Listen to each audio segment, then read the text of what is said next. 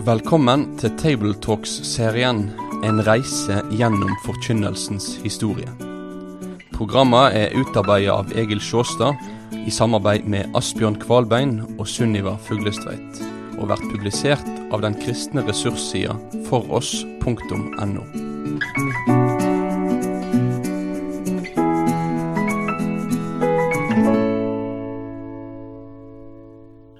Middelalderen var en tusenårig epoke.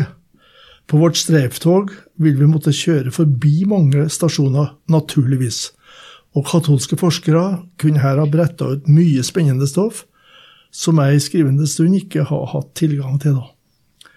Men la oss først stanse i Roma rundt år 590. Der er Gregor den store nylig blitt pave.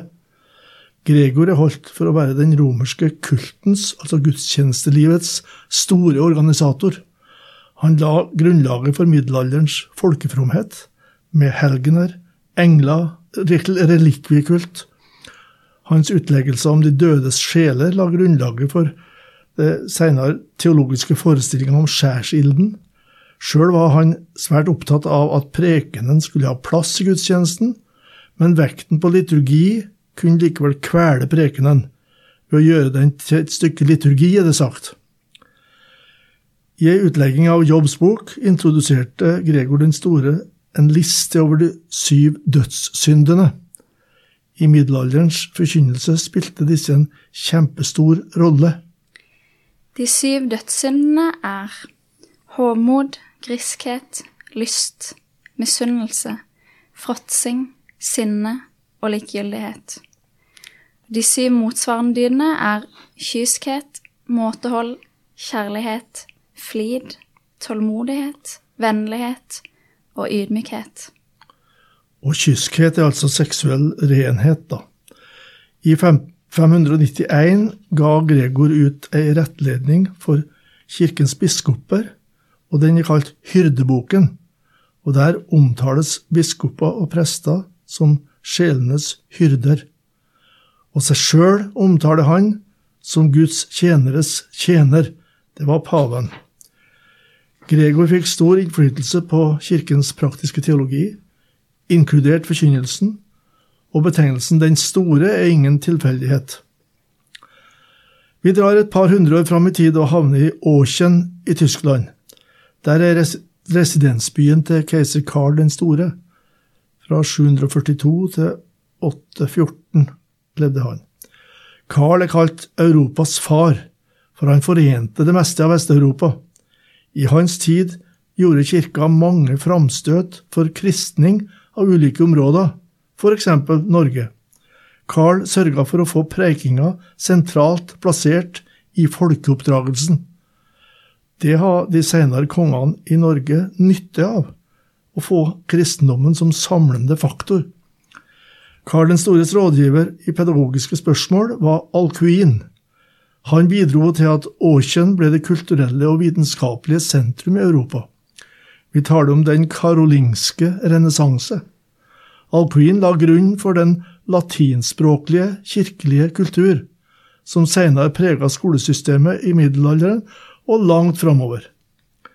For vårt tema er hovedsaken at Alcuin tilrettela en fast ordning med lesetekster, en perikopeordning for gudstjenestelivet i hele kirka. Han brukte delvis etablerte tekstrekker som modell, og det vi nå kjenner som første rekke i Den norske kirkes tekstrekker, er en modifisering av Alcuins perikopeordning, og er altså da 1200 år gammel. Det ble nå en oppblomstring av preikinga i gudstjenesten, men det hevdes at prestene mer reproduserte preiker av kirkefedrene enn de skapte noe nytt. Og nivået på prestene pga. lite utdanning det kunne variere ganske kraftig. En biskop skrev i 797 Den som kjenner Skriften, må forkynne Skriften. Men den som ikke kjenner den, må i det minste meddele folket det mest kjente, slik at de vender seg fra det onde, gjør det gode, søker fred og lever deretter. Og her så tenkte jeg litt på det når det sto at at prestenes nivå, eller det de kunne, variert en hel del. mange ganger når jeg har snakket med kristne, og kanskje særlig unge kristne, så, så har de fortalt meg at de, de kanskje vegrer seg for å ha en andakt eller forkynne eller dele evangeliet, fordi de opplever at de ikke kan nok. Eh, og de vil gjerne overlate sånne ting til teologer eh, og til prestene. Og så er det veldig forståelig, for en ønsker gjerne at vitnesbyrdet om Jesus skal bli så rett som mulig. Men vi må ikke glemme, um, og som forkynnere, å oppmuntre kristne um, til å fortelle deres historie om Jesus. Um, for den som tilhører Jesus, han har blitt et, gitt et løfte om at Den hellige ånd bor i den enkelte, og den som tilhører Jesus, han tilhører òg den store fortellingen og de gode nyhetene. Og jeg tror at kirka trenger ulike mennesker som våger å spille på evangeliets mange strenger, og ikke bare de akademiske og teologiske. Kirka og mennesket trenger det enkle og det personlige vitnesbyrdet. Fortellinga om hvem Jesus er, for det. Det tror jeg er veldig viktig å ta med oss fra akkurat dette. Og det tror jeg kanskje Alcuin ville ha vært enig i. Og kanskje ville han ha sagt mange av dem du nå snakker om, kunne heller ha opptrådt som prester enn de prestene han her taler om, mm. som da eh, kanskje ikke har lys over evangeliet i det hele tatt. Mm. Ja. Vi kommer til et nytt punkt her nå, Synnøve. Gjærtegn og kamp. Kamp-seiermotivet i forkynnelsen. Grensa mellom misjonsområder og kristne land var ennå flytende. Elementærundervisning var nødvendig. Overtro florerte, og forkynnelsen av Kristus som seierherre ble viktig. Dette er triumfkrusifiksenes tid. Kirkekunsten avspeiler hva som var dominert i forkynnelsen. Jesus er sterkere enn mørkemaktene. Det var i denne perioden vikingene møtte kristendommen. Kirken med dens forkynnelse av nye seder hjalp kongene i samlingen av landet. Prester og munker la vekt på gjærtegn, altså mirakler. Vi vil her ifra vår nordiske arena presentere et utdrag av Snorre, Snorre Sturlasons Heimskringla om Dalegudbrand og møtet mellom kristendom og hedenskap. Snorre Sturlason forteller. Kong Olav avtalte møte med bøndene tidlig neste morgen og da skulle også gudebildet av Thor bæres ut. Da møtet var satt, spurte Dale Gudbrand kongen hvor hans gud var. Samtidig sto sola opp, og kongen svarte, Der kommer min Gud med stort lys. Da bøndene snudde seg for å se mot soloppgangen, slo Kolbein sterkt til gudebildet så det sprakk, og ut kom mus, øgler og ormer. Da de så dette, tok Dale Gudbrand og bøndene kristendommen. Ja, og Det betyr at de tok imot kristendommen, da. Misjonshistorien kjenner mange slike eksempler på under og tegn, og på den funksjonen som disse har hatt i overgangstid fra, fra hedenskap til kristendom. Skal vi våge å tenke at også dette glimtet fra en brutal norsk kristningstid allikevel er en slags reprise av hebreerbrevets beskrivelse, at Gud sjøl bekrefta forkynnelsens sannhet ved tegn og under og mange slags kraftige gjerninger. Hebreerne 2. Det har vært vanlig å si at den tidlige middelalder varte til 1050, høymiddelalderen varte til 1300 og seinmiddelalderen til rundt 500, 1500. Kristningstida i Norge faller da inn under slutten av den tidlige middelalderen. Og da har vi ei bok som er laga i Norge, på 1200-tallet, altså under høymiddelalderen, som vi skal si litt om. For den heter Gamalnorsk homiliebok. Kjernen i den boka er en samling av preiketekster, altså preiker, for kirkeåret. De fleste av preikene er oversettelser fra latin fra 1100-tallet, men de er fritt bearbeidet og kan betraktes som et norsk bidrag til forkynnelsen i høymiddelalderen. En antar at boken fungerte som praktisk homiletisk håndbok for mange prester. Samlinga åpner med teksten om dydene og lastene, skriver Valkvien, og et særtrekk i kristendomsforkynnelsen i høymiddelalderen var nettopp dyder og laster, jf. arven fra Gregor den store. Kristendommen kom med et sædskifte, Også andre tekster i boka vitner om hva prestene la vekt på i forkynnelsen. En norrøn oversettelse av olavslegenden Passio Olavi til Olsok-feiringa viser den katolske kirkes fokus på helgener.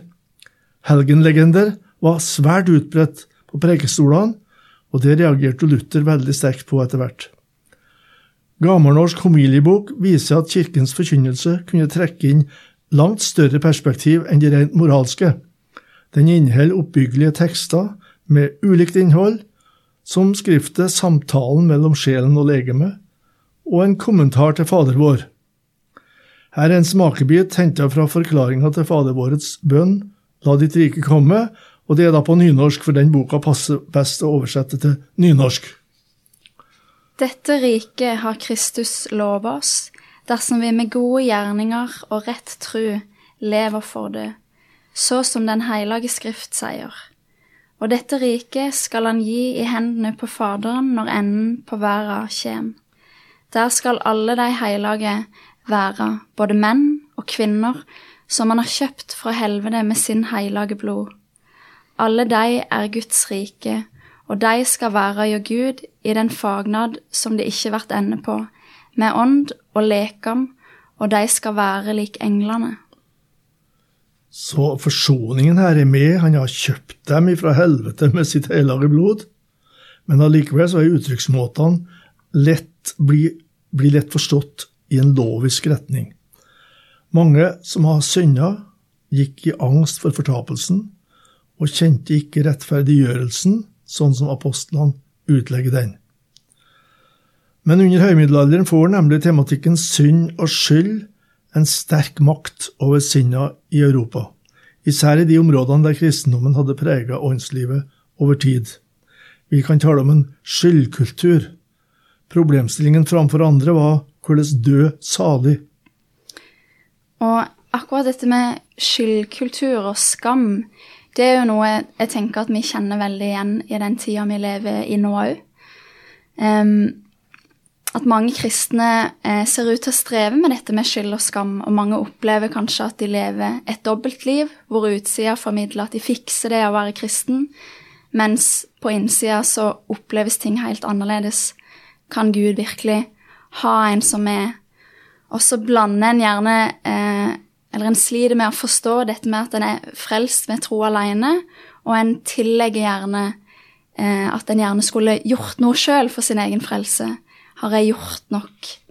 Um, samtidig så lever vi i tid som ønsker å formidle at vi skal løsrives fra skam. At skammen utelukkende assosieres med noe som er negativt, noe som begrenser oss, noe som vi ønsker frigjørelse fra.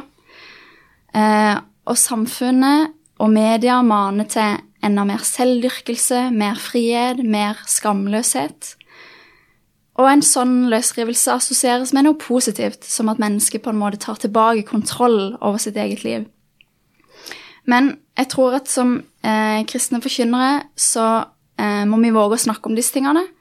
Og så tror jeg vi òg må eh, skille mellom sunn og usunn skam. Fordi jeg tror at i møte med eh, Gud og i møte med synd, så kan vi òg snakke om en sunn skam.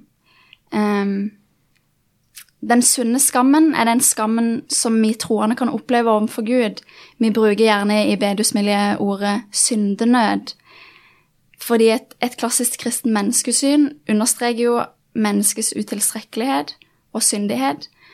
Og når mennesket innser sin egen ødelagte natur, så kan det oppleves som en skam overfor Gud. Ikke nødvendigvis overfor et annet medmenneske, men overfor Gud sjøl. Men dersom dette er en sånn type skam, da, setter mennesket i bevegelse mot Gud, så tror jeg det er en sunn skam, og at det er en helt nødvendig skam. Uten den så vil man kanskje ikke oppleve et behov for frelsen som kristendommen tilbyr. Unngår man å prate om sunn skam, så vil forståelsen av synd dreie seg om gjerninger at jeg ikke har gjort nok, sånn som den usunne skammen forteller oss. Jeg er ikke god nok, jeg har ikke gjort nok, jeg har ikke til nok. Og det vil ikke dreie seg om at mennesket er syndig i seg sjøl og ikke kan nærme seg Gud. Eh, så derfor så tror jeg det er viktig å, å oppfordre til eh, at Gud og det å tro på Jesus, det setter oss fri fra den usunne skammen. Um, men det fins et moment av en sunn skam her som, som viser oss at vi mennesker er syndig i oss sjøl, da. Mm. Du, Sunniva, du skulle ha vært med på Laterankonsilet i 1215 og hatt det innlegget der. De har kanskje gjort veldig bra. For da ble skriftemålet gjort obligatorisk i hele kristenheten. Mm. Hver enkelt skulle skrifte for sin prest, altså sognets prest, og presten har ofte håndbøker å orientere seg ut ifra. Ikke alle de, av de håndbøkene var godkjent av paven, men ordningen med obligatorisk skriftemål en gang årlig gjorde at disse bøkene fikk en enorm spredning blant mange av landsens prester. De inneholdt skriftespeil, der presten konfronterte den skriftende med nærgående spørsmål om hans og hennes moralske liv.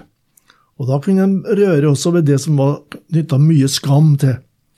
Forskeren Delimaux hevder at vedtaket på Latran-konsilet ble helt avgjørende både for historien om folks mentalitet og for folks dagligliv i middelalderen.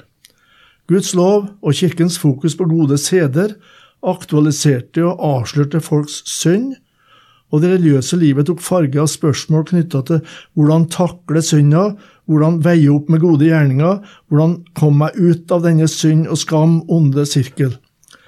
Og frykten for mørkemaktene prega også folkelivet og dagliglivets skikker.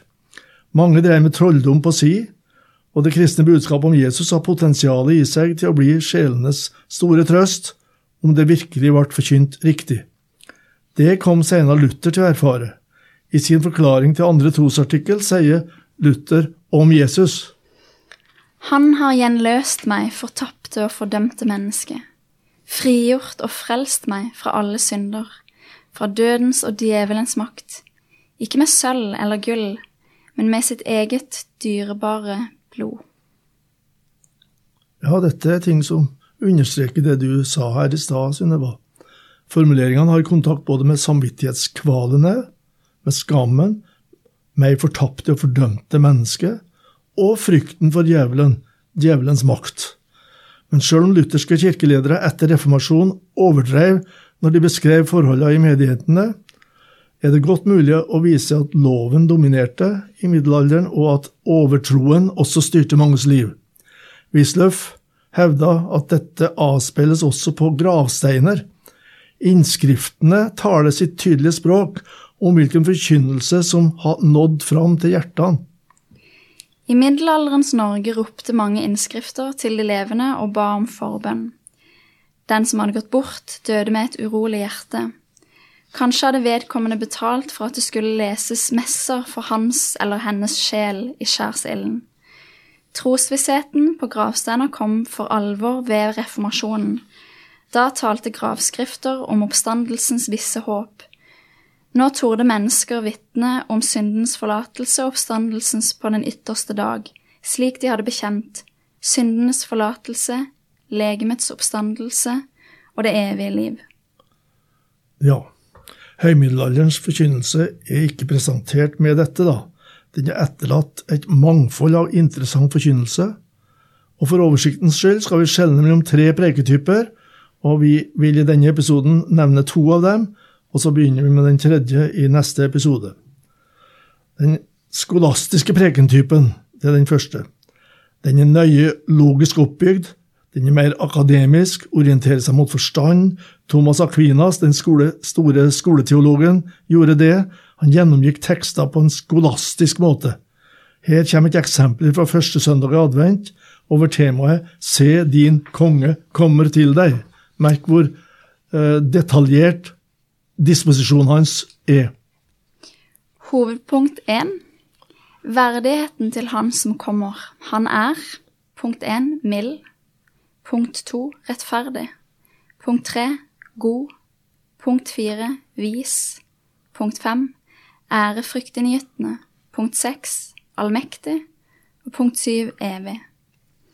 Hovedpunkt nummer to den gang vi har av Hans komme.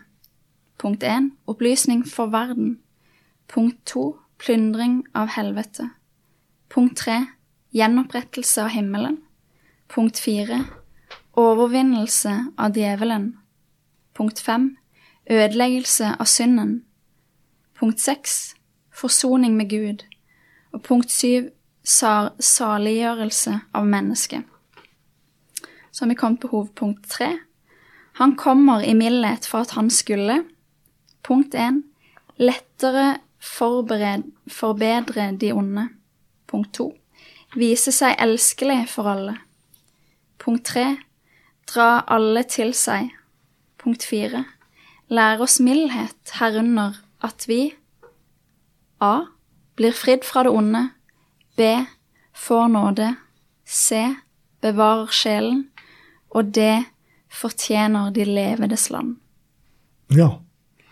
Den preika kunne egentlig vært på 22 punkter, da, hvis vi har tatt ja, det i rekkefølge. Mm. Og det er en klar, logisk tankeføring mellom punktene, men det blir også litt teoretisk og kjedelig, tenker vi da. Og det tror jeg mange også den gangen opplevde det. Den andre prekentypen, den folkelige prekentypen, det var vekkelsesforkynnelse med sterk etisk appell. Den retta seg mot folks vilje og forventa forandring av livsstilen. Altså Mens den skolastiske preken retta seg mot forstand, retta den folkelige prekentypen seg mot viljen. Forkynnelsen foregikk ofte utendørs og i frie forsamlinger. Noen ganger ble den forbudt av kirken. Det var gjerne omreisende predikanter, altså munker, da, med folkelige uttrykksmåter. Forkynnelsen kunne utarte til det vulgære og få sterkt underholdningspreg. De kunne appellere til tilhørerne enda til med grov spøk. Men de store tiggermunkeordnene ble akseptert av kirka. Andreas Seierstad skriver om forkynnelsen til en av disse tiggermunkene, som da ble mer respektert av det kirkelige lederskap, Berthold fra Regensburg. Han skrev Han talte for store mengder i Tyskland, Sveits, Østerrike, Ungarn osv. Han talte til vekkelse, anger og bot. Hans ord var djerve og nærgående, men alltid verdige og alvorlige. Rett som der avbryter han seg selv med innvendinger og spørsmål som disse. Men broder Berthold, hvordan skal det gå til?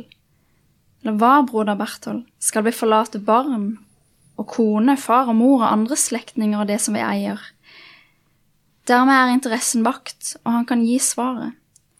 Det klinger nesten reformatorisk når han advarer mot å sette sin lit til helgenbønder, avlat og pilegrimsferder og likevel står Bertholdt helt på middelalderens grunn. Det var gjernings- og hellighetskristendom han forkynte. Til den folkelige prekentypen kan også korstogsprekenene regnes.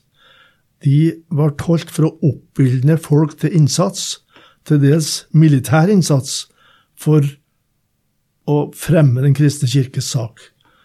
Til forskjell fra senere vekkelser på luthersk mark i nyere tid, så spilte sjølve nådebudskapet ikke stor plass i disse vekkelsene. Neste gang vil vi se på den tredje prekentypen i middelalderen. Det var alt for denne gangen. Takk for at du har vært med på denne reisa gjennom forkynnelsens historie. Vil du lese mer om temaet? Da kan du kontakte oss på postalfakrøllfoross.no for å bestille denne serien i bokform. Besøk òg gjerne foross.no for å finne flere aktuelle ressurser.